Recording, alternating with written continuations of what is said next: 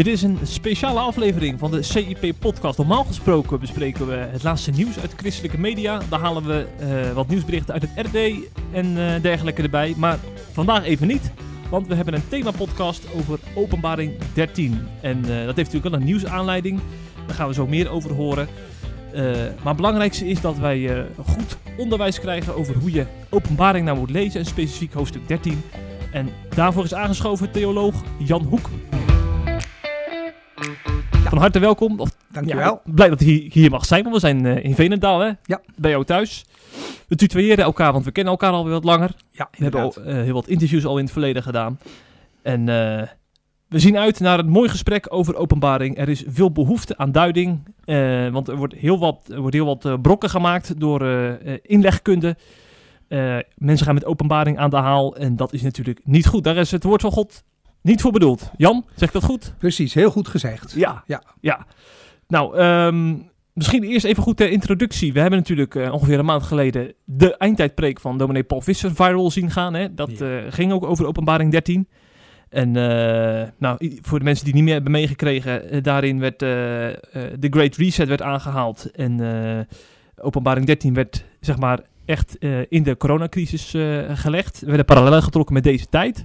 En de een vond dat uh, vond dat ongepast en de ander vond dat juist uh, heel erg herkenbaar. Er waren allemaal verschillende meningen over. En ik ben allereerst nog even benieuwd, Jan. Uh, wat was jouw indruk eigenlijk van die preek, voordat we naar openbaring gaan? Ik wil wat terughoudend zijn met uh, de beoordeling van, uh, van, van een preek. Want ik heb in die preek uh, echt ook heel veel goede dingen hmm. beluisterd. Ik had wat moeite met het slot van de preek. Maar de lijn die erin zit van dat je wat in het boek Openbaring staat ook probeert te betrekken op de actualiteit. Dat is een goede zaak en, en dat, ja. dat moet ook gebeuren. Want het woord van God, dat slaat ook op de actualiteit. Ja, daarom is het goed dat we nu hier zitten. Uh, want we leven natuurlijk wel in bijzondere tijden. En uh, voordat we daar verder op doorgaan, eerst eventjes naar de context van openbaring. Hè? Want we gaan heel snel gaan we al naar deze tijd toe. En dan gaan we uh, onze mm. tijd in de, in de Bijbel leggen. Ja. Maar we, we, hebben het over een heel, toch wel ingewikkeld Bijbelboek. Hè? Het laatste boek van, van de Bijbel. Ja. kun, jij, kun jij ons, ons meenemen naar de context daarvan, van ja. de openbaring? Kijk, het is heel belangrijk om bij ieder gedeelte uit de Bijbel de historische context goed in het oog te hebben. Want de, de gouden regel eigenlijk bij de uitleg van de Bijbel is van het is een woord op zijn tijd. Het is op een bepaalde tijd tot bepaalde mensen gesproken. En het is een woord voor alle tijden. Dus je begint met de vragen van wat heeft het betekend voor de eerste lezers in hun context voordat je toekomt aan een toepassing naar onze tijd toe. Nou, dan moet je dus weten dat het boek Openbaring zo ongeveer rond het jaar 90 uh, na Christus geboorte geschreven is. En dat de christenen in die tijd een vervolgde of gediscrimineerde minderheid waren. Uh, die het vaak heel moeilijk hadden. En die in het boek Openbaring uh, getroost, bemoedigd worden vanuit de overwinning van Jezus Christus. Waarbij de strijd wordt getekend waar ze middenin staan. Maar ook steeds weer het perspectief gegeven wordt op de overwinning die voor alle gelovigen in het verschiet ligt. Nou, dan probeer je dus te kijken van wat speelde er in die tijd en hoe slaat wat het boek Openbaring naar voren brengt in allerlei beeldtaal op de situatie toen en daar. Ja, ja, ja, je zegt inderdaad beeldtaal, want wat mij opvalt als ik openbaring doorblader, uh, dan lees het niet uh, weg zoals uh, bijvoorbeeld verhalen uit Genesis of, nee, of nee, Exo nee, Exodus. Nee, nee. Je hebt in de Bijbel allemaal verschillende genres. Hè? Ja. Het zijn natuurlijk uh, 66 Bijbelboeken, maar je hebt daarin uh, geschiedenissen, je hebt uh, gedichten, je hebt profetieën, psalmen. Maar het boek Openbaring, dat noemen ze een apocalyptisch geschrift. Een apocalyptiek, dat is een aparte literatuursoort, waarbij heel veel gebruik gemaakt wordt van symboliek en van, van beeldtaal. Uh, je kan het niet allemaal letterlijk nemen, want dan krijg je eigenlijk de, de, vreemdste dingen. Maar je moet door die symbolen heen zien naar de wezenlijke bedoeling. En dat maakt het natuurlijk voor ons als lezers, ook uit een andere cultuur, best wel ingewikkeld. Hè? Dus het, vandaar dat er over het boek Openbaring ook uh, een grote verscheidenheid van, van uitleggingen bestaat. Ja, Ja, ja. En voor de duidelijkheid, dit werd, eh, al die beelden die, die in openbaring staan, die werden geopenbaard aan Johannes in, in visioenen. Dus ja, Johannes die was op het eiland Patmos verbannen en die kreeg daar visioenen. Dus het werd hem geopenbaard vanuit de hemel.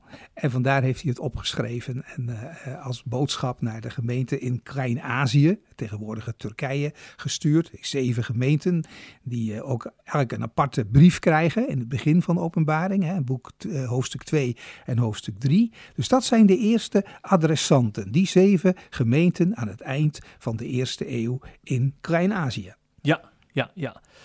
Ehm, wat, ik, wat ik ook nog even bij stil wil staan dan, je zegt heel specifiek, die, die, die, die christenen hadden destijds heel erg zwaar. Ja. Dan is het al heel moeilijk om ons in hen te verplaatsen, hè? want Ja. ik, ik, ik ga gewoon op mijn gemakje op zondag naar de kerk. Ik ja. heb nergens, nergens last van, eerlijk gezegd. Nee, nee. nee, we horen eh, elke keer weer van eh, wat eh, broeders en zusters in andere contexten overkomt. We moeten dus veel meer denken aan de christenen in, in, in, in, in Noord-Korea of de christenen in Pakistan of Nigeria en andere gebieden waar ze steeds bedreigd worden. Die zullen veel meer hun eigen situatie eh, parallel kunnen zien aan wat eh gold voor de mensen die het boek Openbaring ontvingen. Ja, ja. Ehm, straks natuurlijk gaan we de vertaalslag naar deze tijd maken. Eh, maar eerst wil ik even bij dat hoofdstuk stilstaan wat zoveel besproken is hè, de afgelopen maand. Namelijk hoofdstuk 13. Ja. En ehm, misschien allereerst voordat we, jij gaat er specifiek uit lezen zo meteen. Hè? Mhm, mhm. Eh, wat moeten we goed weten over dit hoofdstuk, zeg maar? Nou ja, je begint natuurlijk eh, midden in een boek. Hè. Je zegt, we hebben het over openbaring 13. Ja, het is wel van belang om enigszins eh, te zien wat de grote lijn van het boek is. Maar ik beperk me nu even tot de onmiddellijke context. Dan horen we echt bij elkaar de hoofdstukken 12 tot en met 14. In, hoofdstuk 12, daar zie je dat eh, de duivel, de grote tegenstander van God, die heeft verloren in de hemel. Die is eh, uit de hemel gegooid. Want Jezus heeft de overwinning behaald op Golgotha en het Pasen. En dan gaat die duivel, die niet meer in de hemel kan komen, die gaat alles op alles zetten op aarde. Hij kan Jezus niks meer doen. Maar hij kan de gemeente van Jezus nog wel heel veel doen. Hè? Dus hij is verliezer, maar met de moed van de wanhoop zou je zeggen, gaat hij er tegenaan op aarde. En dus openbaring 12 onderstreept dat hij het in principe verloren heeft. Openbaring 13 laat zien hoe hij zich geweldig mobiliseert op aarde tegen de gemeente. En openbaring 14 laat dan weer zien hoe de uiteindelijke overwinning zal zijn. En de, de juichende kerk, de verloste mensheid eh, voor de troon van God. Dus da- daartussen staat het in. Hè? Dus vandaar, als je het alleen maar openbaring 13 zou lezen, dan zeg je nou, het ziet er wel heel erg somber uit allemaal. Maar als je het in samenhang ziet met 12 en 14, dan zeg je nou ja, het is inderdaad een heftige strijd. Maar de overwinning is in feite al behaald door Jezus Christus. Zou je dan kunnen zeggen dat dit eh, gedeelte tussen eh, D-Day en V-Day eh, staat? Ja, dat is een mooi, eh, mooi beeld. Hè? Dus de Decision Day, eh, de, de beslissende overwinning is behaald. De Victory Day, de, de overwinning moet aan de dag treden en voluit eh, gerealiseerd worden. Dat is nog aanstaande. En in dat spanningsveld eh, bevindt zich openbaring 13. Ja, dat maakt het heel herkenbaar, hè? Ja. Want we Ja. leven echt in de Ja. tijd tussen Ja. Jezus' overwinning en... Ja, eh, tussen, zijn- tussen ja. Pinksteren en wederkomst, Pinksteren Ja. en Parousie. In die tijd leven wij. Zo zullen we het hoofdstuk er dus bij eh, nemen. Ja. Openbaring 13 gaan we dan helemaal eh, lezen. Zullen we het helemaal lezen? Ja, laten we dat maar doen. Goed. Ik ga het lezen in de herziene statenvertaling. Prima. Openbaring 13. En ik zag uit de zee een beest opkomen dat zeven koppen en tien horens had. En op zijn horens waren tien diademen en op zijn koppen een godslasterlijke naam. En het beest dat ik zag leek op een panter. En zijn poten waren als die van een beer en zijn muil was als de muil van een leeuw. En de draak gaf hem zijn kracht, zijn troon en grote macht. En ik zag een van zijn koppen als dodelijk gewond, maar zijn dodelijke wond werd genezen. En de hele aarde ging het beest met verwondering achterna. En zij aanbaden de draak, omdat hij aan het beest macht gegeven had. En zij aanbaden het beest en zeiden, wie is aan dit beest gelijk? En wie kan er oorlog tegen voeren? En het werd een mond gegeven om grote woorden en godslasteringen te spreken. En het werd macht gegeven om dit 42 maanden lang te doen. En het opende zijn mond om God te lasteren, om zijn naam te lasteren en zijn tent en hen die in de hemel wonen. En het beest werd macht gegeven om oorlog te voeren tegen de heiligen en om hen te overwinnen. En hem werd macht gegeven over elke stam, taal en volk. En allen die op de aarde wonen zullen het aanbidden. Althans, van wie de namen niet zijn geschreven in het boek des levens van het lam, dat geslacht is van de grondlegging van de wereld af. Indien iemand oren heeft, laat hij horen. Als iemand in gevangenschap voert, die gaat zelf in gevangenschap. Als iemand met het zwaard doodt, die moet zelf met het zwaard gedood worden. Hier is de volharding en het geloof van de heiligen. En ik zag een ander beest opkomen uit de aarde. En het had twee horens als die van het lam. Maar het sprak als de draak. En het oefent al de macht van het eerste beest voor zijn ogen uit. En het maakt dat de aarde en zij die er wonen het eerste beest aanbidden, waarvan de dodelijke wond genezen was. En het doet grote tekenen, zodat het zelfs vuur uit de hemel laat neerkomen op de aarde voor de ogen van de mensen. En het misleidt hen die op de aarde wonen door middel van de tekenen die het gegeven zijn te doen voor de ogen van het beest. En het zegt tegen hen die op de aarde wonen dat zij een beeld moeten maken voor het beest, dat de wond van het zwaard had en weer levend werd. En hem werd macht gegeven om een geest te geven aan het beeld van het beest, opdat het beeld van het beest zelfs zou spreken en zou maken dat allen die het beeld van het beest niet zouden aanbidden, gedood zouden worden. En het maakt dat men aan allen, kleinen en groten, rijken en armen, vrijen en slaven, een merkteken geeft, op hun rechterhand of op hun voorhoofd. En het maakt dat niemand kan kopen of verkopen, behalve hij die dat merkteken heeft, of de naam van het beest, of het getal van zijn naam. Hier is de wijsheid. Wie verstand heeft, laat hij het getal van het beest berekenen, want het is een getal van een mens. En zijn getal is 666. Dat was openbaring 13, uh, Jan. Dat is openbaring 13. Ja, er zit natuurlijk enorm veel uh, in.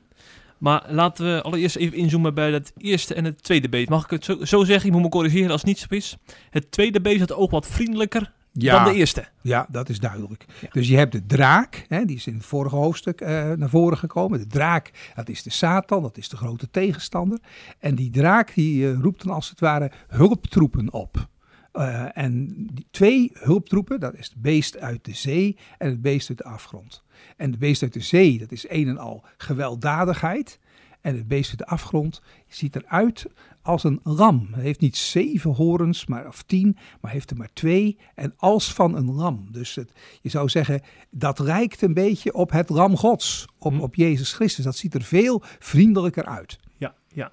Als ik dan weer denk aan die uh, christenen waar we het net over hadden, hè, waar het uh, Bijbelboek voor is geschreven in eerste instantie, ja. dan denk ik dat ze toch met name dat eerste beest zullen herkennen. Maar wij ja. het tweede misschien. Ja, dat zou kunnen dat je het zo zegt. Um, maar het is ook wel zo dat het gelijktijdig optreedt. Okay. Omdat, wat betekent dat beest uit de zee? Mm. Dat is de overheid, maar dan een ontaarde overheid. Hè, Oh, ja. Die zich in dienst stelt van uh, ja, de duivel. Dus een antichristelijke overheid. Um, je kan denken aan allerlei uh, tirannen. In eerste instantie natuurlijk aan uh, die keizer in Rome, zoals keizer Nero. Later Domitianus, die echt bloedige vervolgingen mm. tegen de christenen hebben ingevoerd. Omdat ze als God vereerd wilden worden. Goddelijke aanbidding. En dat konden de christenen en wilden de christenen hen niet geven. Daarom werden ze te vuur en te zwaard vervolgd. Doe maar dus, denken aan Daniel en zijn vrienden ook, hè? Ja, natuurlijk. Ja, ja. precies. Maar dat, dat beeld van, die, van dat beest, dat komt ook uit Daniel. Ja, hè? Daniel precies. heeft ook al die beesten Eh, die staan vier verschillende achter elkaar. En die staan dan voor die verschillende machten die elkaar opvolgen. Maar hier zijn al die machten van Daniel geconcentreerd in die ene antimacht. Nou, dat is dus de ontaarde antichristelijke overheid, die met geweld bezig is. Maar die heeft dan in dienst een ministerie van propaganda. Oh ja. zoals je, je zou het kunnen vergelijken met, met Hitler en Goebbels. Hè? Mhm. Hitler de machthebber, Goebbels de man van de, de, de propaganda, de misleiding. En uh, die propaganda, die, die klinkt heel vriendelijk. Hè? De duivel komt als een, een engel van het licht, staat er ook in de Bijbel. Dus dat klinkt heel van, ja, als je nu maar meegaat, dan krijg je allerlei voordelen en dan krijg je uh, voorspoed en dan krijg je vrede. Dus de, de zalvende toon en innemende woorden, maar in dienst van uh, dat beest uit de zee en uiteindelijk in dienst van de draak. Ja, ja, ja. ja. Als we naar dat tweede beest kijken, dan heb je het over uh, een dodelijke wond en uh, herstel daarvan. Ja, ja, ja, uh, ja, Dat doet mij dan denken aan iemand die een crisis op, oplost. Hè? En, ja. nou, als, als, je bij Hitler wil blijven, ja. volgens, volgens mij werd hij geprezen omdat hij de werkeloosheid op, oploste ja, bijvoorbeeld. Ja, ja, ja, ja, Nou is dat een punt wat voor uitleggers wel wat hoofdbrekens kost. Van, Hoe moet je dat nou zien? Oh, ja. er wordt wel gezegd, kijk, de duivel is natuurlijk de aap van God. die probeert in alles God te imiteren. En uh, hier zou dan een, een, een, een heenwijzing zijn van uh, Jezus is eerst gekruisigd en toen opgestaan. En zo is ook dit beest uh, als het ware als het ware opgestaan uit de dood. En, maar dan gaat het vooral erover dat uh, die, die, die anti-macht van tijd tot tijd het onderspit delft. Hè. Bijvoorbeeld uh, Hitler is natuurlijk, uh, dat is wat niks uitgeroepen met zijn derde rijk.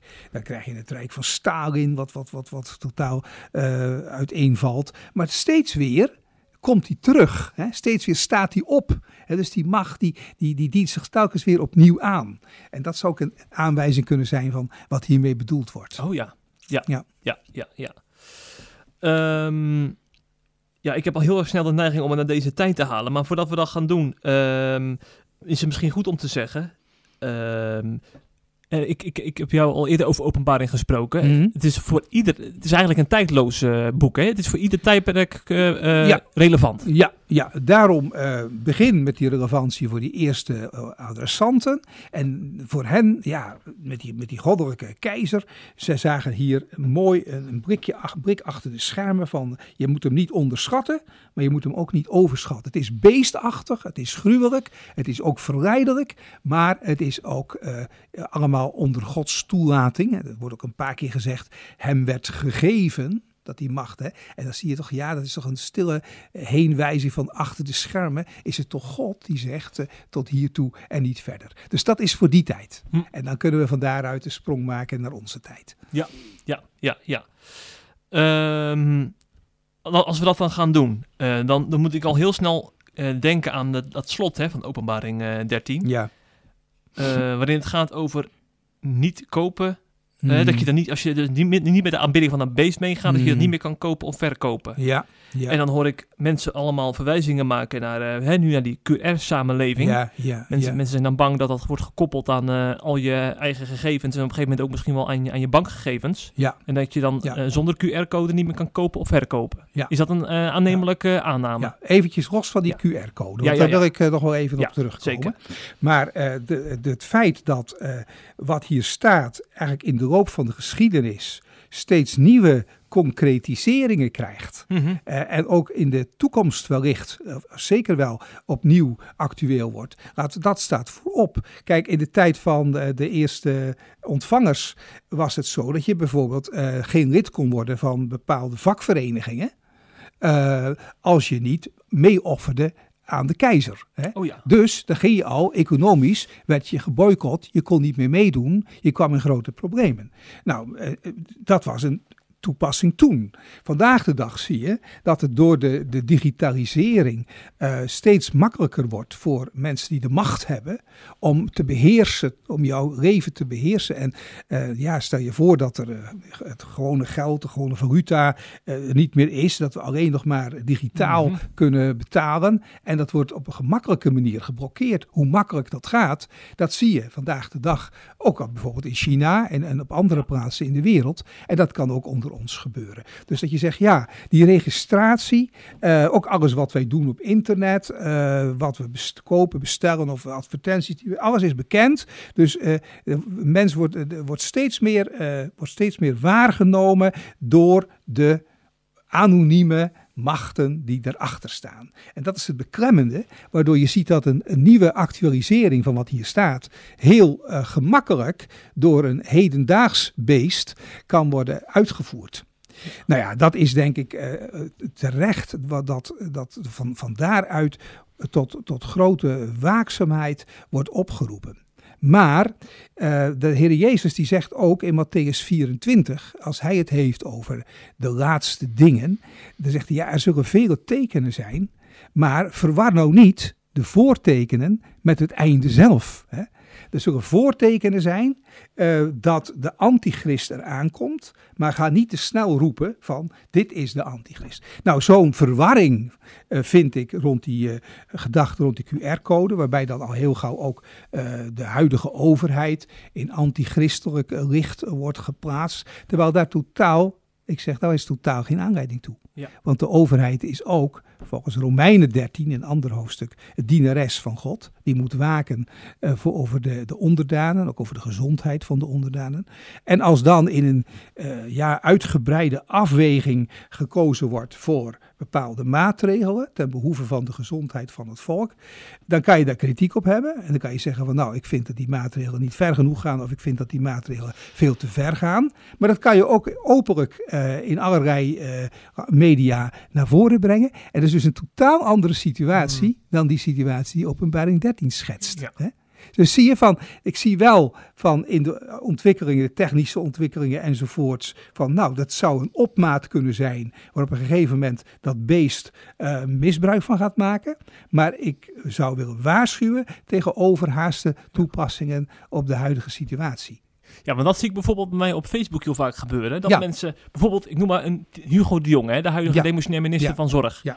Dat die op één lijn wordt gezet met uh, uh, al die antichristelijke rijken ja. uh, uit het verleden. Dat kun je natuurlijk niet maken eigenlijk. Nee, ik vind het heel erg. Ook, Je ziet het ook dat, dat, dat christenen dat doen. Hè. Terwijl je toch moet zeggen, het is, dit is een beleidend christen. Wij oordelen niet over het hart. Je moet ervan uitgaan dat we te maken hebben met een broeder. Dan kan die man uh, fouten maken. Nu kan die man uh, uitspraken doen waarvan je zegt, nou dat had hij beter anders of meer mhm. genuanceerd kunnen zeggen, enzovoort, enzovoort. Maar uh, hier is iemand bezig die het vuur uit zijn slof verloopt ten goede van de volksgezondheid. Ja. En dat, om dat dan zo te identificeren met antichristelijke ontwikkelingen, dan zeg ik ja, oordeel niet omdat u niet geoordeeld wordt. Je moet toch rekenschap geven van wat je allemaal zegt, wat je allemaal schrijft. En als je olie op het vuur gooit van de polarisatie, dan ben je niet geestelijk, uh, christelijk bezig. Ja, ja, ja. Maar als ik nou denk aan al die uh, antichristelijke machten die inmiddels al gevallen zijn, hè, Romeinse rijken, noem ze mm -hmm. allemaal maar op. Ja. En, en dan denk ik van, nou, we kunnen nou die vertaalslag heel moeilijk maken. Met al die democratieën en zo en iedereen mm -hmm. zijn eigen mm -hmm. staat. Denk ik van, er moet er toch een wereldregering komen, wil dit in vervulling gaan uiteindelijk, of niet? Jazeker, jazeker. En dan loopt de scheidslijn niet over de vraag van...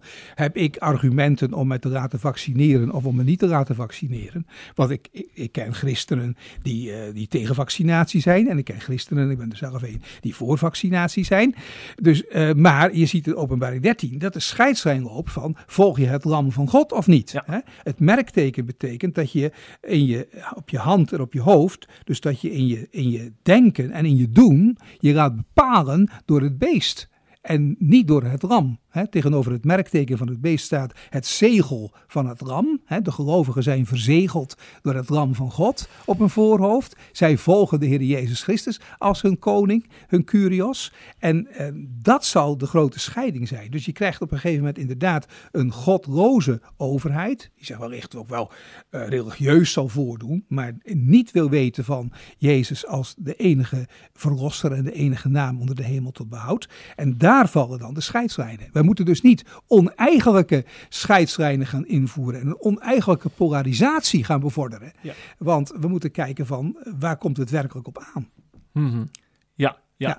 Maar is, is dan, wat ik zeg, een wereldregering, is dat noodzaak vo- Ja, voordat je da- ja. hierover kan spreken? Ja, uiteindelijk eh, lopen de lijnen ook in het Nieuwe Testament erop uit dat je één wereldbeheerser krijgt eh, die eh, alle macht naar zich toe trekt. Ja. ja, ja, ja. ja. En dat is dan de antichrist. Mhm, Ja. mhm. Ja. Want eh, ik vraag dit ook omdat heel veel mensen nou een beetje aan het suggereren zijn van hè, deze coronacrisis, dat is het bijzondere aan deze crisis. Dat is Ja. een wereldwijde crisis.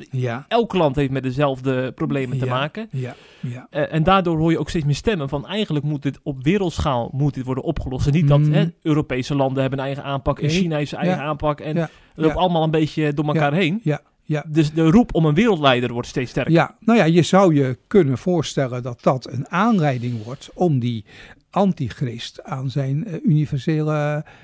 eh, macht te, te helpen. Dat er echt een wereldwijd probleem is. Dat COVID-19 nog maar een, eh, een aanzet is tot veel ergere pandemieën.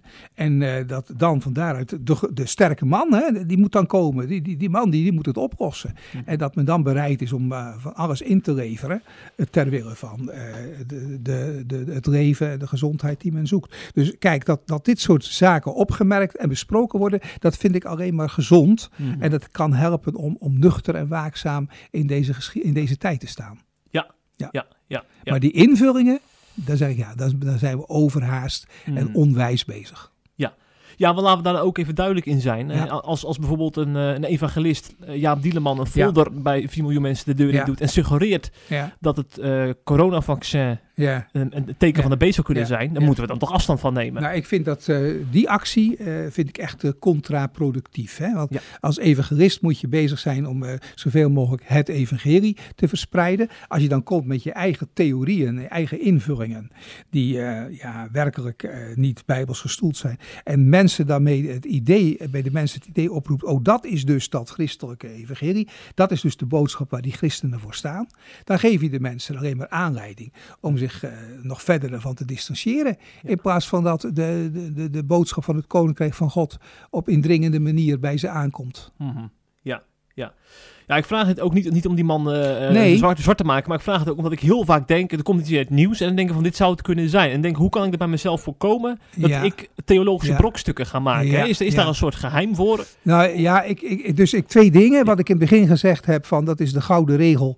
Dat je eerst kijkt naar die, die, die oorspronkelijke betekenis. En daarom hoef je niet te zoeken dat eh, allerlei dingen nu echt helemaal letterlijk eh, in onze tijd worden vervuld. Want het gaat om zaken die door de geschiedenis heen telkens opnieuw in verschillende gestalten eh, vervuld gaan worden. hè. Mhm. Dus het is niet zo dat mensen twintig eeuwen van tevoren in codetaal een pakketje informatie krijgen wat pas relevant is eh, wanneer ze er zelf al lang niet meer zijn. Mhm. Het is informatie, het is een boodschap voor henzelf en gaat door de eeuwen heen. Dus dat moet ons terughoudend maken met een al te letterlijke invulling van de dingen. En het tweede is, eh, wat voor mij heel belangrijk, ja, het essentiële wat wij als gelovigen moeten weten over de toekomst, dat heeft Jezus zelf ons gezegd. Het onderwijs van de Heer Jezus, bijvoorbeeld in Matthäus 24 en in de parallelle eh, plaatsen in de evangelie, de zogenaamde reden over de laatste dingen, daar staan de kernpunten in. In wezen voegt het boek Openbaring inhoudelijk daar niets aan toe. Jezus heeft het allemaal al gezegd. Alleen we krijgen een uitgebreidere voorstelling van zaken met, met gebruikmaking van sym- symbooltaal. Maar als wij ons houden aan de kern van wat Jezus ons vertelt, dan kunnen we van daaruit ook beoordelen allerlei uitleggingen bij het boek Openbaring. Dus de, ik, ik noem de, de, de, de, de woorden van Jezus over de laatste dingen eh, eigenlijk de belangrijke sleutel om het boek Openbaring toe te passen. Hm, hm. Belangrijk om dat in onze oren te knopen in ieder geval. Ehm, bijna vergeten, maar ik wil nog even een uitspraak van dominee van Renen aanhalen. Ja. Een dominee die eh, in de coronacrisis een heel actueel boek heeft geschreven. Ja. De vijand drukt vast aan. Daarin gaat hij dus in op eh, antichristelijke machten in heden en verleden. En legt hij, eh, legt hij ook lijnen met eh, de coronacrisis. En in een interview met ons, met CIP, zei hij dan het volgende. De antichristen uit het verleden hadden altijd beperkte middelen ter beschikking. De antichrist die de Bijbel omschrijft lijkt onbeperkt. Echt een soort pseudo-god. Denk aan de, aan de wonderen en tekenen die hij verricht, waar 2 Thessalonicenzen 2 en Openbaring 13 over schrijven. Als je dit legt naast de huidige ontwikkelingen, is het goed voor te stellen hoe een supermens ontstaat door een combinatie van genetische technieken en kunstmatige intelligentie. Een soort zelfgemaakte evolutie. Er ontstaat nu een grootschalig en machtig netwerk bij bedrijven. Als die macht gecentraliseerd wordt en toevertrouwd wordt aan een bepaald regime, is die stap naar de antichrist klein. Dus hiermee zegt Van Renen eigenlijk... eh, eh, je kan, het is te makkelijk om te zeggen van eh, elk tijdperk had zo zijn, zijn Mhm. antichristelijke macht. Dit Ja. is wel een heel specifiek bijzonder tijdperk dat Ja. veel verder gaat dan antichristelijke machten uit het verleden. Nou, dat zijn eh behartigenswaardige woorden van collega Van. Ja. eh, waar hij ook aangeeft van het is niet alleen maar een herhaling van zetten, maar het is ook een duidelijke escalatie. En ik denk, dat is- dat is ook denk ik aan het Nieuwe Testament af te lezen, Mm. dat die antichrist zich steeds meer eh, profileert en, en zijn uiteindelijke gestalte zal het meest eh, omvattende en ingrijpende zijn. En eh, als hij dan spreekt over die supermens, door de combinatie van genetische technieken en kunstmatige intelligentie, dan lijkt me dat ook een punt van, ik zit wel te denken, zonder nou te zeggen dat dat de uitleg is, maar als nou die, dat, dat beest uit de, de aarde hè, op een gegeven moment een beeld maakt en dat beeld dat, dat, dat gaat dan spreken en zo. Nou ja, wie, zou, zou je kunnen denken aan, aan, aan robotten, aan kunstmatige intelligentie, die worden ingezet. Hè, dat eh, ten dienste ook van die antichristelijke macht. Dus dit soort eh, gedachten vind ik heel, heel nuttig eh, om mensen waakzaam te maken. En nogmaals, tegelijkertijd nuchter bij de toepassing op de heel concrete ontwikkelingen vandaag de dag. Mhm. Ja, ja.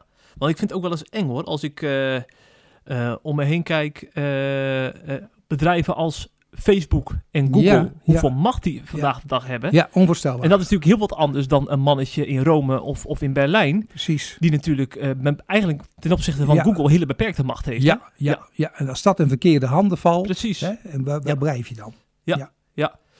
Jij hebt eerder in een interview bij CIP ook al lijnen gelegd naar eh, eh, China, hè? Ja. Eh, misschien ook goed om dat nog even aan te stippen. Dat is ook heel actueel wat daar gaande is. En da- daar, Ja. daarin kun je ook wel elementen uit openbaring 13 eh, Ja, terugvinden. nou ja, ik zie dus in die eh, communistische macht in China ook die beestachtige trekken, die Ja. totalitaire macht. Daarom mag er ook geen andere eh, religie zijn dan, dan de religie die de partij verheerlijkt.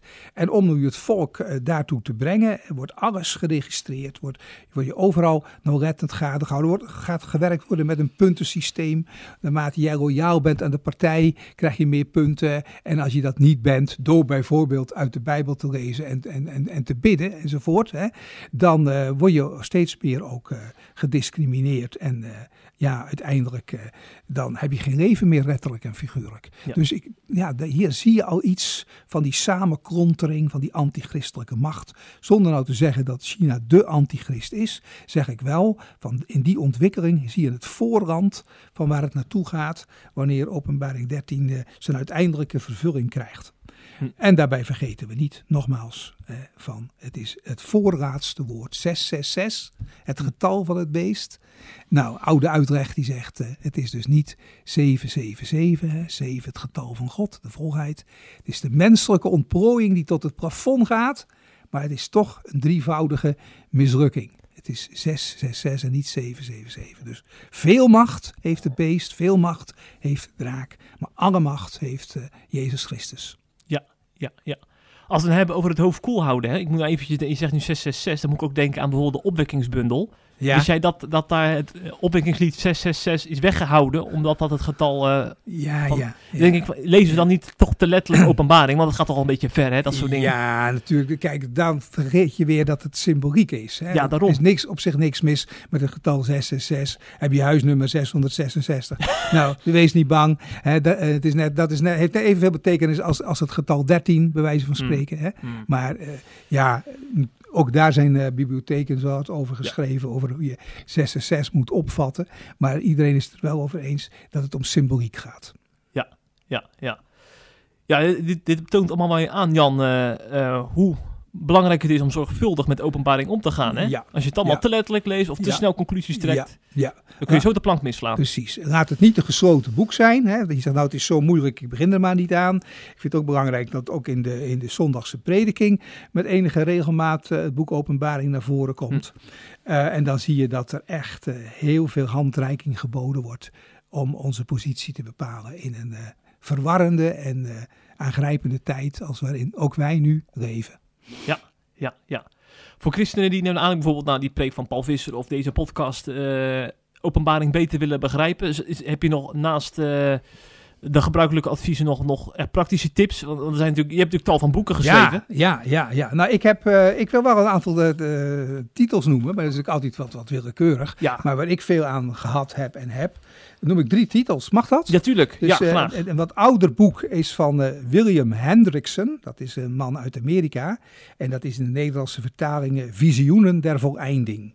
Het is een heel heldere, eh, beknopte uitleg. En ik denk dat je dat boek eh, antiquarisch kunt kopen. Of anders kan je het wel in kopen in het Engels. En dan heet het More Than Conquerors. Meer dan overwinnaars. Nou, en dan is het boek van, eh, van de Kamp. Openbaring, profetie vanaf Patmos. Het is meer een wetenschappelijke aanpak, zorgvuldig ook vanuit het Grieks. En dat helpt echt verder.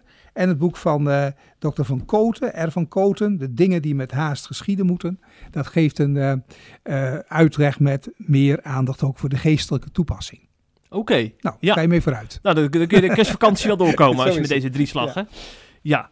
Ehm, ten slotte, er waren wat lezen. Ik had vorige eh, twee weken had ik een column geschreven waarin ik het woord hobbytheologen gebruikte. Oh. Die, die, ik vond dat, eh naar aanleiding van die preek, gaan nogal veel mensen met openbaring aan te halen die niet zo goed zijn ingelezen, ook geen Ja. eh, theologische achtergrond hebben. Mhm. En die voelden zich ook een beetje beledigd, want omdat ik dan onderscheid maak tussen hobbytheologen en mensen Oh ja. die echt een, een, een, een universitaire of hbo-opleiding hebben gedaan. Ja. Ben, ben ik nou te snel geweest? Kun je ook bijvoorbeeld zonder theologische opleiding goed begrijpen wat er in openbaring staat? Ja, ja, dat is zeker waar. Eh, als je namelijk eh, goed bijbelvast bent, hè, en eh, niet alleen het boek Openbaring, eh, dat is eh, boek 66, maar ook de vorige 65 eh, leest, dan kun je zien hoe dat boek Openbaring helemaal doordrenkt is van allerlei bijbelse verwijzingen.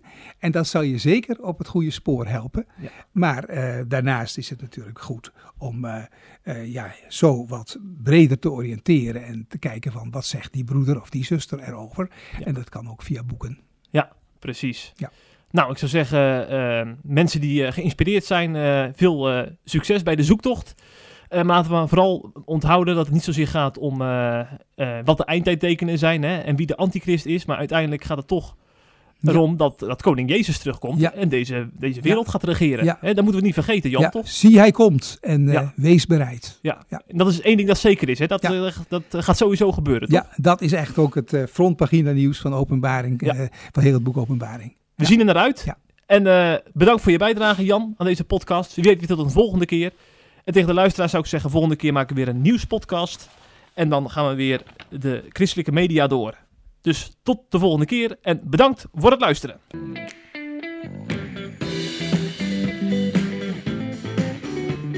Je luistert naar de CIP-podcast. Volgende week weer een nieuwe aflevering. Wil je onze artikelen lezen? Ga naar cip.nl en word CIP Plus lid.